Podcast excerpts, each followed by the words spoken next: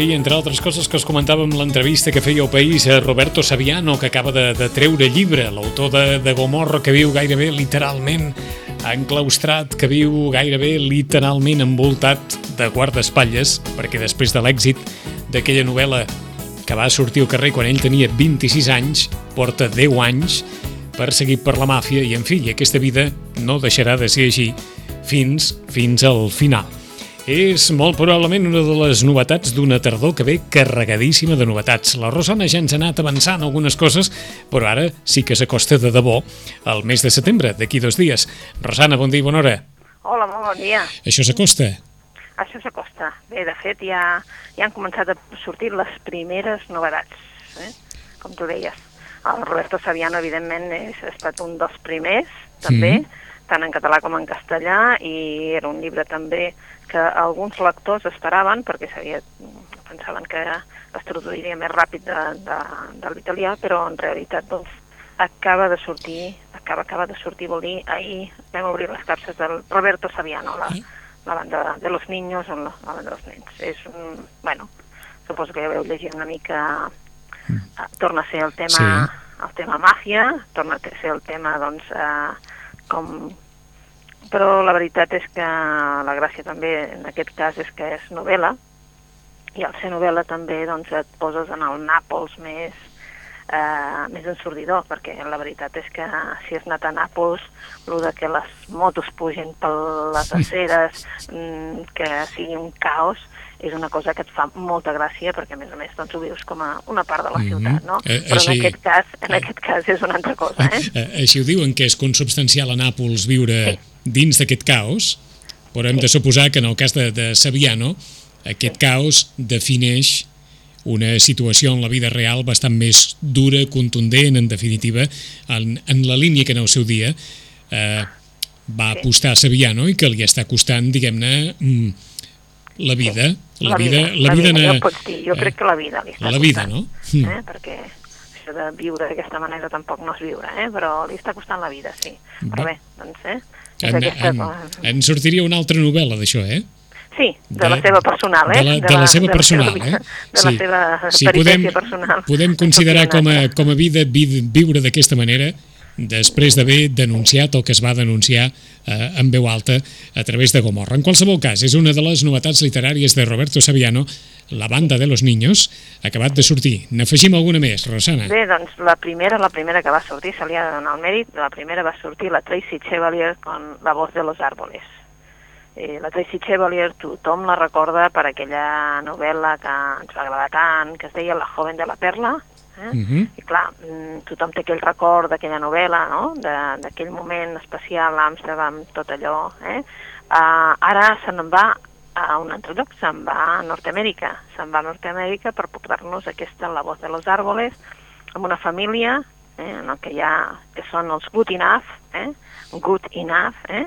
bastant bons, seria la, la traducció que sí. ell mateix es fa, doncs la, la família aquesta good enough deixa una mica enrere el que ha estat a Nova Inglaterra per, per anar-se'n a, a l'altre costat i, clar, al deixar Ohio, doncs, ells troben que cap on han anat a parar doncs és un lloc que, que és un pantà i és el pantà que allà no hi creix res i ells, eh, el James, que és el, el cap de família, doncs s'entesta a, a plantar-hi doncs, pomers, eh? unes pomeres doncs, d'unes pomes que a ell li agradaven, que eren la, la Good Pippin, la, i llavors, la Golden Pippin, perdona, i llavors, clar, ell té aquell sabor de petit que tenia un gust entre poma i, i pinya que li havia explicat el, el pare, és a dir, l'avi, perquè en realitat ell mm, no havia menjat mai pinya, per tant no sabia quin gust tenia la pinya. Eh? Uh -huh. Però bé, són dos personatges, el James i la Sadie, que tindran un munt de fills, se li van morint fills per les febres, per la poca cura de, de, que poden tenir dels fills, etc. De, també perquè agafen tota classe de malalties per culpa del paltà, però al final doncs, en surten quatre que serien els que perviuen. I d'ells n'hi ha un, el Robert. El Robert és el nen més especial. La seva mare diu que li té com una mica de respecte perquè va ser el primer que va néixer directament allà, en el pantà. I per tant és el que mai agafarà les febres, en el que haurà de cuidar la família, però que la seva mirada sempre és una mirada que a son pare i sa mare doncs, els inquieta. Eh? Aquell serà el que marxarà, marxarà de molt petit d'aquest cercle familiar i se n'anirà cap a buscar, doncs, mm, per a recórrer als Estats Units, eh? i recórrer una mica tot, la febre de l'hort, eh, anirà d'aquells que s'han anomenat d'aquells que fa medicines però que són, és mentida, que no, no són cap medicina, llavors anirà coneixent una sèrie de personatges, però en definitiva és un home solitari, un home que anirà creixent i que algú li ensenyarà a escriure una mica perquè ell no en sabia, i anirà doncs, enviant unes cartes a la família, unes cartes que evidentment ell no rep mai la resposta perquè cada vegada es mou i com que això pot anar de mesos en mesos, doncs no rep cap resposta. Hi ha una germana seva, que és la Marta, que serà també el peu fonamental de la, una altra persona que és fonamental de la novel·la. La Marta és la, la nena més, diguéssim, més tranquil·la de la família, la petita, la que tothom considera que és més feble i la que tothom s'atreveix amb ella. Però el Robert sempre l'ha defensada, sempre ha sigut, una, ha sigut el seu gran defensor. En definitiva, la història és que el Robert se sentirà ple quan arribi a trobar un personatge que li fa conèixer les sequoies, els arbres més alts i els arbres més potents. De, I llavors, a partir d'aquí, ell es dedicarà amb aquest senyor doncs, a recollir doncs, eh, el que és doncs, eh, planter de sequoies i les, per enviar-les a Anglaterra, perquè els anglesos no tenen aquests arbres i, clar, les famílies angleses doncs, eh, són capaces de pagar el que sigui per tenir aquests arbres a Anglaterra. És una història, diguéssim, en el que surt absolutament tot, però aquesta passió per poder eh, recollir pomes, per poder fer una mica d'or, però alhora, doncs, per un amor i una passió pels arbres. Mm. Per això es diu La voz de los árboles, perquè el Robert hi creu. Mm? Això promet ser una novel·la llarga? Sí, no, no ho és massa, però sí que la veritat és un, molt contundent a l'hora de, de 340 pàgines, una cosa uh -huh. així, però és una novel·la doncs, allò de la força de la natura, eh? una mica, doncs, com que estem en l'any que estem aquí celebrant l'any Golden, eh? l'any Zoró, no sé si és aquest retorn a la natura, també aquesta voz de los árboles és un cant a la natura, un cant de dir, eh, mm, la força està en la natura i ell realment quan se sent ple és enmig d'un arbre de -huh. eh? Veiem, veiem una història també molt americana, eh? Sí, sí. Allò, sí, la, la eh? família, les criatures, un territori feréstec en el qual hi volen plantar totes les, sí, sí. vaja, totes les dificultats que hi troben, eh, mm. com es van desenvolupant cadascun dels membres de la família, quina és la relació entre ells, és a dir, una, una novel·la molt de, de grans espais i de grans territoris, eh? Sí, sí, i molt, molt arbre, eh? I molt arbre. Eh? Molt arbre, eh? I molta... Eh, com fer-ho, com fer les, les, eh, les llavors, eh, les plàntules, o sigui, molt arbre. Uh -huh. De Tracy, la voz de los árboles, eh? de Tracy Chevalier, La voz de los árboles. Més novetats? Més novetats. Doncs, pues, bueno, anem, anem parlant de novetats. Una d'elles és que els editors aposten molt perquè ha sigut un èxit en molts països. Uh, és un llibre diferent, un llibre diferent perquè, bueno, són Eh, en principi arriba primer en castellà, jo crec que avui deu sortir ja l'edició en català, el que passa que encara no han pogut obrir les caixes, que són los cuentos de buenas noches para niñas rebeldes. Surt en català, eh? els contes de bona nit per les nenes rebels. En definitiva, diu que són 100 històries de dones extraordinàries. Què ens expliquen com a contes? No, no són contes. El que veiem és 100 dones vale? que han sigut eh, que han, format, que han sigut unita a la història o que han sigut conegudes per alguna cosa. Uh -huh. Des de la Grace O'Malley, una pirata, mm, a la Rita Perón com a política, a, a la Coco Chanel, la Frida Kahlo, en trobaríem la Cleopatra, en trobaríem un munt. És a dir, en una zona plana que expliquen qui era, per exemple, Catalina la Gran, no? emperatriu, i llavors són dones que a més a més de la seva condició de dona, no s'han deixat trepitjar, han sigut eh, agosarades, han sigut valentes, i llavors a l'altra plana el que tens és l'il·lustració perquè vegi més o menys com podia ser aquesta senyora. Eh? Llavors hi ha una frase que han tret cada un de, dels personatges que, que diu la, el personatge. Per exemple, els germans Fronter, mm, ells diuen a Charlotte Brontë, hi ha una imatge de les tres eh, germanes Brontë i la Charlotte diu no sóc un àngel ni ho seré fins que mori, seré sempre jo, jo mateixa. Ja, mm, saps allò, reivindicar el seu paper i, i bé, eh, després també hi ha una activista, la Valquissa Chabú, per exemple, que diu que demostraré el que puc eh, arribar a donar en aquesta vida. Eh? Són dones que potser alguns són més conegudes, unes altres eh, eh, no tant per nosaltres, però en definitiva són 100 dones que han transformat el món. Uh, pel que llegim, sí. i ens assenyalen que pot ser una bona lectura per, per nens i nenes. Sí. Sí. Sí, nens i nenes, però... Perquè vaja, nenes... eh, ens ho diuen així literalment, eh? a, partir sí. de, a partir de 5 anys. Mm, bueno, quan vegis el llibre diràs, bé, nens i nenes de 5 anys que si no hi ha un pare i una mare darrere Gràcies. que expliqui tot això, que és impossible, eh? D'acord. Perquè, és clar, tu, un activista, li dius a un nen o una nena que llegeixi això, primer que no pot llegir, perquè un nen o una nena de 6 anys no llegeixen ni aquesta lletra ni res de tot això ara, avui dia.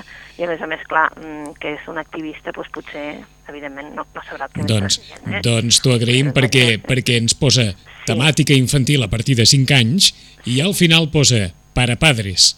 Eh. I en qualsevol cas, la Rosana el que diu és que qualsevol que compri aquest llibre i el vulgui destinar eh, a un ús per al seu fill o per la seva filla, és un llibre per llegir al costat del nen, no perquè clar. el nen no llegeixi.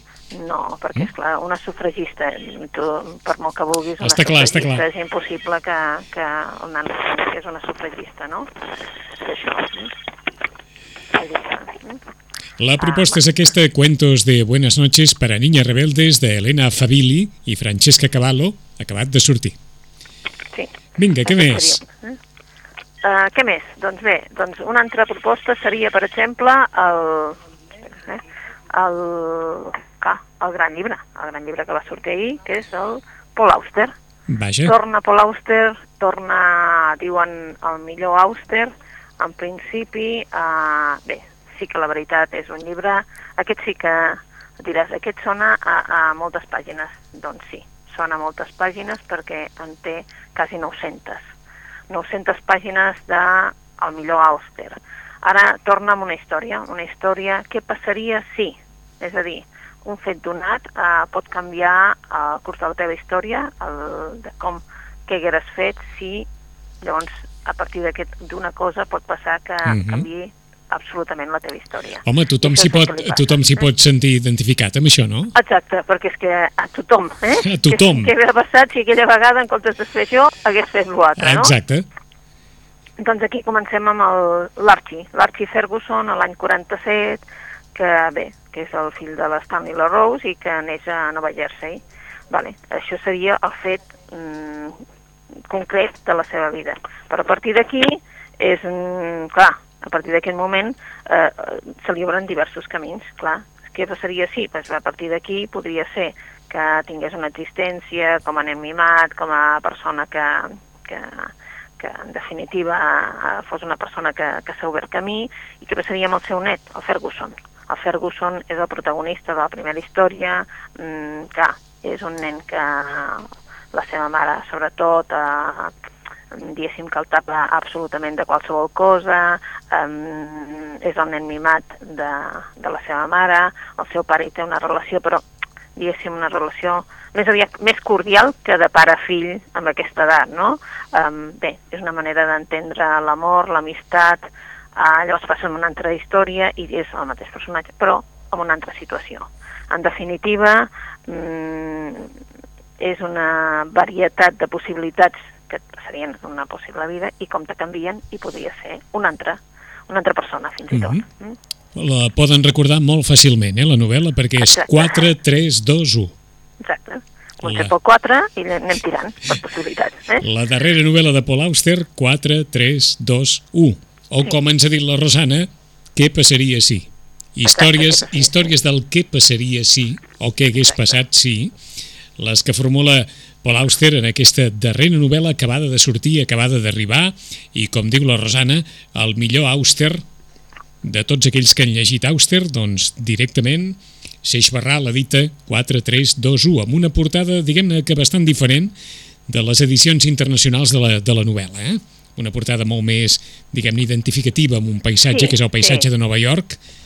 Sí, l'altre tenia uns tons així marrons, Ah, exacte, etcètera, molt, no? sí, molt sòbria, sense Molt cap, eh, sòbria. sense cap paisatge identificatiu, i en canvi la, la versió que s'ha que s'ha editat aquí té, té un entorn, té un molt més identificable. Sí, I tant, tot, totalment. O Totalment, sigui, saps, eh? saps que és Nova York. Ah, exacte. Vull dir que no, no et pots equivocar, és No et Nova pots equivocar York, de cap eh? manera. No, de 4, 3, cap 2, 1, manera. la darrera novel·la de, de Paul Auster. I en la llista de, de recomanacions, Rosana, què hi ficaríem Vinga, doncs aquí? una altra. Tindríem una autora, uh, una autora, mm, diguem-ne, poc coneguda a casa nostra, malgrat que, bueno, ja, ja, ja comencem a tenir obres seves, vale? però és poc coneguda encara. És la gran dama de les lletres angleses, malgrat que ella és irlandesa. És la Edna O'Brien. La Edna O'Brien, l'última novel·la que vam tenir era Silites Rojas, vale? l'està publicant Errata Naturae, està fent una gran feina en publicar a la Edna O'Brien, però la veritat és que eh, ja ens va publicar les dues primeres, que eren les dues, diguéssim, la, la xica de ojos verdes i Chicas felizmente casadas. No hi són en català, la veritat és que mm, no s'han atrevit encara a traduir-les a català cap eh, editor així independent, però tant la xica de ojos verdes com Chicas felizmente casadas van ser les dues obres que li van donar molts problemes a l'Anna Bryan, perquè van considerar, la Iglesia va considerar, és una dona que va néixer l'any 32 i aquestes obres són doncs, dels anys 60, eh? La primera era Les xiques de campo, perquè va ser la primera, i Les xiques de campo doncs, feia una, diguem que era una novel·la, perquè era una novel·la, però en la que reflectia perfectament eh, el paper de cada un dels membres de la societat, és a dir, el paper de l'Església en el, en el dia a dia de la gent, el paper de la, saps allò, una Irlanda una mica, doncs, de pare, diguem-ne, borratxo, um, mare que ha de treballar com sigui, buscar-se la vida per, per, eh, per poder donar uh, a les criatures alguna cosa, Sí. um, saps allò, aquella Irlanda que no tenen per menjar, que no tenen per, eh, per sobreviure i que se van empescant a veure com poden, no? I llavors, eh, i, i una nena doncs que marxa cap a la cap al d'això per poder, la veritat és que per poder, per poder, que és una amiga d'una altra, i llavors el que fa és eh, la comparació entre una que té un, que diguéssim que seria un benestant i l'altra. Ara ens porta una altra novel·la, una altra novel·la que es diu Un lugar pagano. Un lugar pagano, eh, la crítica la posa absolutament mm, molt bé, perquè és, eh, diuen que és realment la, la gran novel·la sobre Irlanda, perquè és allò, mm, ens descriu perfectament el que seria la Irlanda d'això, eh? dels 60, Sí. més o menys, una cosa així, eh? Mm, doncs què? Doncs bé, doncs eh, aquesta gent, doncs, eh, gent que té criatures, és que parlant de també catòlica, vull dir que la Iglesia Catòlica fa un paper ben trist, vull dir que, mm, saps, vull dir, no es posa mai al costat de els uns, sinó que va veient que la gent té criatures, que hi ha molt analfabetisme, que es fa com a benefactora, però sempre dient-los qui són, saps, vull dir, recordant-nos que són que són una gent que no arribaran a res, amb la qual doncs, és com a bastant dur tot plegat. Eh? Quines són pues, les contradiccions entre ells? La, vull dir que han de fer veure que són molt religiosos, però en definitiva, vull dir, desitjarien no haver de necessitar la Iglesia, mm, les contradiccions també polítiques, allò, aquells camps eh, de cibada, aquells camps de, on la canalla també hi ha de treballar per poder-ho tirar endavant. Um, bé, és, és com la vida d'Irlanda posada amb, amb unes pàgines. Pel que, veiem, que pel, pel que veiem, una vida molt finalista, molt condicionada, molt ja eh, prevista, mesurada des del primer dia fins al final, no? Sí, sí, sí. I marcada, vaja, d'alguna manera ma- Marcada. pel context, marcada, eh? marcada pel context i que saps que, que no hi ha, Que no hi ha sortida. gaire sortida. Eh? Mhm. No hi ha gaire sortida. En definitiva és això, no? I per això, clar, eh, al principi la Anna Bryan li deien que, és clar que estava donant una imatge d'Irlanda que era molt dura i que, Sí. saps, vull dir, no, no els hi agradava gaire veure's allà plagiats a, les, a les pàgines i en definitiva, és clar, evidentment, després la crítica ha dit el que havia de dir, que és una de les grans eh, plomes de, de, d'Anglaterra, però en aquest cas d'Irlanda, pensem bé que és que està descrivint Irlanda, no, no pas Anglaterra. Sí, sí, eh? la, la Irlanda dels Kennedy. La Irlanda, exacte, la Irlanda dels Kennedy, per dir-ho així. Eh? Aba, abans de marxar, òbviament, a, als Estats Units. Eh? Un, lugar, un lugar pagano d'Enna O'Brien, la gran novel·la sobre Irlanda, com ens l'ha definida la, la, la Rosana Lluc. Més recomanacions, Rosana. Més recomanacions. Doncs ara sí que haurem d'esperar uns dies a que ens surti... Eh, ja, bueno, ja surten moltes altres novetats, ara ens hem d'esperar després de l'11 de setembre, el dia 12, Uh, bé, per aquells que els agradi la novel·la així històrica, intriga històrica, etc, recordem que surt la tercera la tercera part de Pilares de la Tierra. Mm. Després de molts anys, molts anys, eh, perquè ens ha fet una altra saga entremig, i ara uh, ens torna amb la tercera part dels Pilares de la Tierra, en, cap d'uns anys es va publicar un Mundo Sin Fin, i ara ens torna una columna de fuego, una columna de foc pel dia 12. Però també pels que ens agrada la Modena Grandes, que ja estàvem esperant i que entremig ens va entretenir amb els besos en el pan, ara ens arriba la quarta novel·la d'aquesta sèrie que feia ella sobre aquesta sèrie sobre la Guerra Civil, que no és Guerra Civil, sinó que és postguerra. Eh? Sí. I eh, ens, ens arriba amb una novel·la que és potentíssima, però que té, em sembla que són 768 pàgines també, és a dir, que són novel·les ara ja, veus que totes són d'un cert volum, eh? totes les que hem dit, i també, doncs aquesta ens arriba el dia 12, i ja hi ha molta expectació perquè és Los pacientes del doctor García, ens arriba ara amb una història en el que uh, un, un aprenent de doctor que ha ajudat a que que ha ajudat a, a Madrid sitiat, etc etc, que després, evidentment, és represaliat, i um, des, perquè era d'esquerres, evidentment, uh, es troba una sèrie d'embolics i com es pot suplantar la personalitat d'algú que estava fora vale, per sortir com a nazi escapat d'aquí a Espanya. És a dir, aquells nazis amagats aquí a Espanya, eh, que després van marxar cap a l'Argentina, etc etc. Sí. La Modena Grandes ens vol explicar que això sí que hi era i de, a través d'una novel·la ens vol explicar de com se suplantaven no?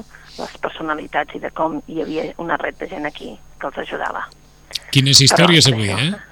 Sí, sí, sí, sí, però, però clar, la moneda sempre ens porta aquestes històries, no?, de passatges que posa entremig que fa pom, i llavors dius un dia sí, és veritat, vull dir que això... Perquè no, no sé si ha estat aquest un tema que s'hagi tractat massa en la literatura, la, la presència, diguem-ne, de, eh, de nazis que d'alguna forma van, van viure una vida molt discreta aquí, Sí, abans, aquí, de fer, no? abans de fer el pas cap a, cap a Llatinoamèrica i sobretot cap a i Sud-amèrica també. Sí, el- el- Sud-amèrica, sí, no?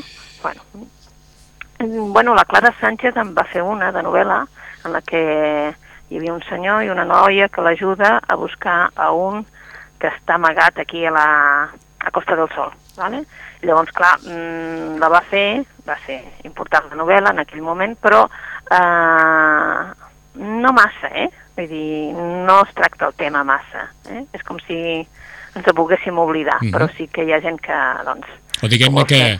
que en el marc de, de la Guerra Civil i de la postguerra aquest no ha estat un dels temes que hagi sortit més, perquè esclar també n'hi havia molts d'altres, no? Però Exacte, aquest, sí. no, aquest no ha estat dels més recurrents en la literatura, no, no, està clar. no. Eh? Quan, se, quan, se parla, quan es fa novel·la sobre la Guerra Civil, suposo que es tracta més els temes d'aquí, però aquest també era un tema doncs, que, esclar, que els teníem aquí, i a més a més, uh, vivint aquí, que sí que eren unes vides discretes, perquè, esclar, no podien fer-se veure gaire, però, bueno, no passaven cap penúria, eh, tampoc, i, Ahà. i a més a més, doncs, bueno, com ho fan, perquè, eh, i com un, eh, a través d'uns papers, etc es fa passar com un d'ells per poder-lo seguir cap a, cap a Argentina. Eh, recordar que aquesta, que aquesta sèrie de l'Almudena Grandes, que acaba amb la transició, d'arribar fins a la transició o no? Sí, exacte. Sí, més o menys, sí. És a dir, que Ara po- estem- portem, portem quatre llibres, eh? Portem quatre llibres, si n'hi ha sis, i portem quatre llibres. Ara serà el quart aquest, eh, Inés i l'alegria, El lector de Julio Verne, Las tres bodas de Manolita,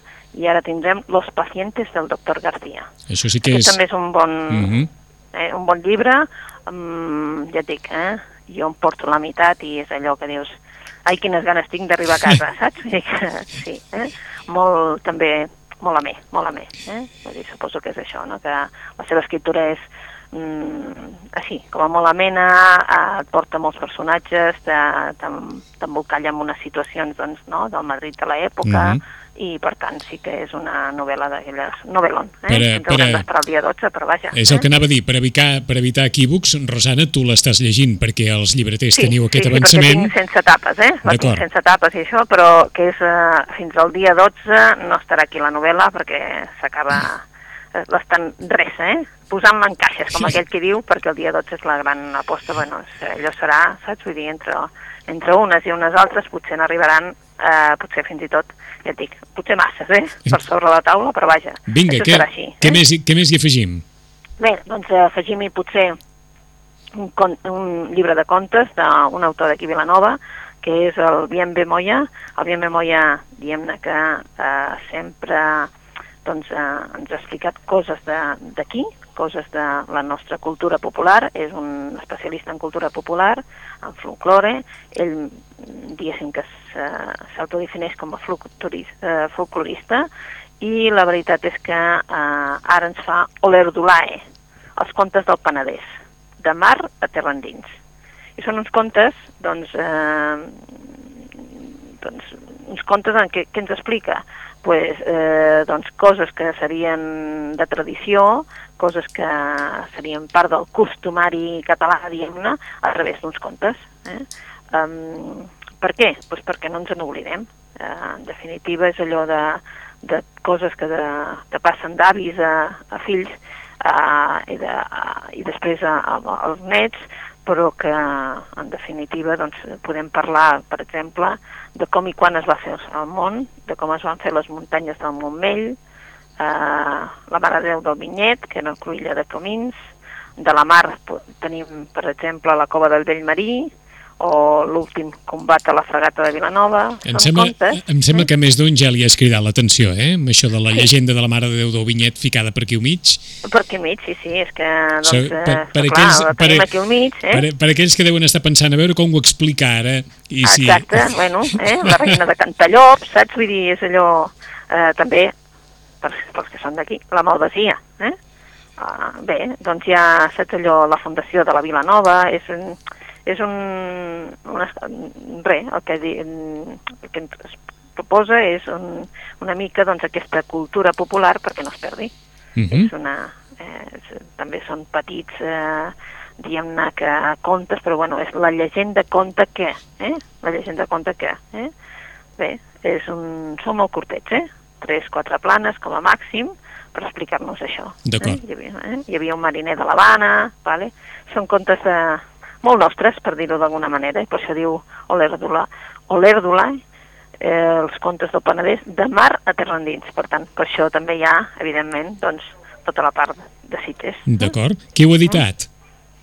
El Cepi la Nansa. El Cepi la, ja, Nansa. Ja ens ho veiem sí. a venir, eh? Però... Sí, jo he editat fa no res, eh? Vull dir, és, ho he editat fa molt poquet, per tant encara no se n'ha fet ressò, perquè és que ho he editat just ara a l'agost, cosa que, que fa que no, que, que surti en un moment en què no hi ha res, però que tampoc no hi ha ni mitjans de comunicació, no hi ha res, saps? I llavors, bueno, eh, la veritat és que mm, també surt tot el Falcó de Mir, vull dir, hi ha un munt de coses que ens interessen a, a tots, uh -huh. eh? a tots els que vivim per aquí. Eh? I en aquesta llarga llista que, que ens has proposat, d'autors catalans que treguin novetats? Doncs mm, d'aquí no res. D'aquí no, no res? D'aquí no res. Eh? A veure, uh, hi ha el Jordi Puntí, que treu novetat, i ara hauria de buscar-ho, però d'aquí no res comencen les novetats. El que passa que sempre comencen a partir, això, dels 12, començaran. Perquè sempre es considera que, saps, vull dir, comença tota la tardor. Ara, el que passa que entre que s'engega la màquina no la màquina de, diguem-ne, de tot el que és la promoció, sempre passen uns dies. Ho dic perquè sembla, sembla que hi hagi més moviment en, en tot el que són traduccions de, sí. de grans noms estrangers o en aquest cas d'escriptors de, espanyols que no tant en el, en el món de l'escriptor sí, català, eh? Sí. sí, sempre triga una mica més, triga sempre una mica més per, uh, suposo, per dir, bueno, tu, que surtin aquests perquè si no ens tapen, eh? I com que, si te recordes, ja va començar uh, Herralde fa molts anys, molts anys, traient, dient, eh, la, això és la tardor, no? L'inici de la tardor la fem nosaltres i llavors treia tots els seus títols de cop i, i cap al setembre. I era, volien ser, ara sempre hi ha com una lluita a veure qui és el primer. Això et deia, la Tracy Chevalier de 28, el Paul Auster de 29, saps allò? Que siguin pedres allò de toc que comencin la... encara no és setembre, no? I, i ja estan sortint les novetats. Sí. Suposava que abans doncs, era tot l'agost no sortia res. Ara ja ja no és així. I suposo que, saps, l'autor que et precedeixen els, els editors de dir, un moment, ara traurem els nostres, però una mica esperem perquè si no ens tapen. Eh? Eh, és que ho dic perquè més d'un lector o lectora deu pensar no, no tindré prou butxaca per, per tantes novetats, eh? Uh, doncs sí, és veritat, vull dir que s'haurem de racionar, no? Per sort, vull dir, la veritat, tu saps, Vicenç, que això és tot, tot el que es traurà, tota la bateria de setembre, octubre, a novembre, que és poquet ja, però es treurà cara a, a Nadal, vale? perquè doncs, la gent ho vagi llegint i va dir, bueno, va, doncs ara, ara primer aquest, vinga, va, però m'apunto aquest i aquest, no? Tot, I tot és això, mica és això. Tot eh? això s'ha d'estirar fins Nadal, eh? Exacte, tot això s'estira fins Nadal. Sí, doncs anem a fer un repàs de, de tot el que s'ha d'estirar fins Nadal. Hem començat assenyalant, acaba de sortir la banda de los niños de Roberto Saviano, no ens movem d'aquest món més, més sòrdid de la màfia en una novel·la ambientada a Nàpols. És la darrera novel·la de Roberto Saviano, de l'home de Gomorra. Han passat 10 anys ja des de, des de Gomorra, una sèrie de televisió, adaptació cinematogràfica, en fi, doncs ara la banda de los niños de Tracy Chevalier, una història que agradarà, ens diu la Rosana, sobretot per als amants de la natura, perquè és en el fons un cant a la natura, la natura com a escenari, com a, com a quelcom que dona sentit a la vida dels personatges d'aquesta novel·la, que es titula La voz de los árboles, centrada en la família Gutinoz, que se'n va deixa casa seva, se'n va en una zona, diguem-ne, molt, molt farèstega, allà hi vol plantar pomers, eh, se'n surt a mitges i el fill de la família, eh, Robert, nascut al pantà, se'n va per ell sol, emprèn una vida, una vida sola que el portarà a molts indrets de Nord-Amèrica fins a descobrir un senyor que l'obrirà al món dels sequoies, arbre mític per excel·lència, arbre mitològic, arbre carregat de, de significat, doncs serà el qui donarà també pes a bona part d'aquesta novel·la, La voz de los árboles. Ens ha també portat la Rosana aquesta història que, que diuen les notes de premsa que es pot adreçar als més petits, però que la Rosana en qualsevol cas aconsella que siguin els pares el que facin el, el, la feina, la gran feina per si volen explicar alguna història d'aquests cuentos de buenas noches para niñas rebeldes, la història de 100 dones singulars, extraordinàries a la seva època, algunes més populars, altres no tant. Si algun llibre de tots els que han escoltat eh, han de tenir a casa seva o que puguin dir que veritablement és el pal de paller d'aquesta rentrera de novetats, és 4, 3, 2, 1. La darrera novel·la de Paul Auster, diguem-ne que centrada en aquella frase, en aquella pregunta tan, tan demolidora que alguna vegada ens hem fet a la vida. Què hagués passat si o què passaria si Cadascú en algun moment es pot haver preguntat això i la novel·la de Paul Auster té molt a veure amb aquesta pregunta que dona sentit a la vida. 4, 3, 2, 1. Acabada de sortir. Ahir, dia 29. Per tant, la poden trobar ja als quioscos. La gran novel·la sobre Irlanda és En un lugar pagano, Un lugar pagano, d'Edna O'Brien. Una història emmarcada dins aquest territori també amb costums molt, eh, molt quadriculades en un entorn on el catolicisme i l'Església Catòlica té un pes molt important i on la família també exerceix un pes molt important. S'han d'esperar el 12 de setembre per tenir la tercera part de Los Pilares de la Tierra de Ken Follett, que es titula Una columna de foc, després de molt de temps, de molt de temps, arriba la tercera part d'una de les sagues més conegudes i més populars. 12 de setembre arriba a les llibreries una columna de foc. I el 12 de setembre també arribarà la darrera novel·la d'Almudena Grandes. És la quarta novel·la centrada en aquest gran projecte de la guerra i la postguerra espanyola. Aquesta quarta novel·la es titula Los pacientes del doctor García i té molt a veure amb els nazis que van viure d'una manera molt, molt discreta durant l'Espanya del franquisme. La quarta novel·la d'Almudena Grandes en aquest gran cicle Los pacientes del doctor García. I hem acabat amb aquest apunt molt nostre, molt penedesenc, amb alguns tocs de, de Garraf, de mar i muntanya, que és Oler d'Olae, de Bien Bemoia, els contes del Penedès, de mar a terra endins. Pel que fa referència a la part més sitgetana, la Mar de Déu del Vinyet o la Malvasia apareixen dins aquests relats de cultura popular que ha resumit Bien Bemoia en aquest llibre. En 15 dies tornarem, en 15 dies estarem ja amb les novetats sobre la taula, amb aquests amb aquestes columnes de foc i amb aquests pacients de doctor García i amb les altres novetats que hagin aparegut els primers dies de setembre. Rosana, bona lectura. Molt bona lectura, i a vosaltres. Adéu-siau. Adéu.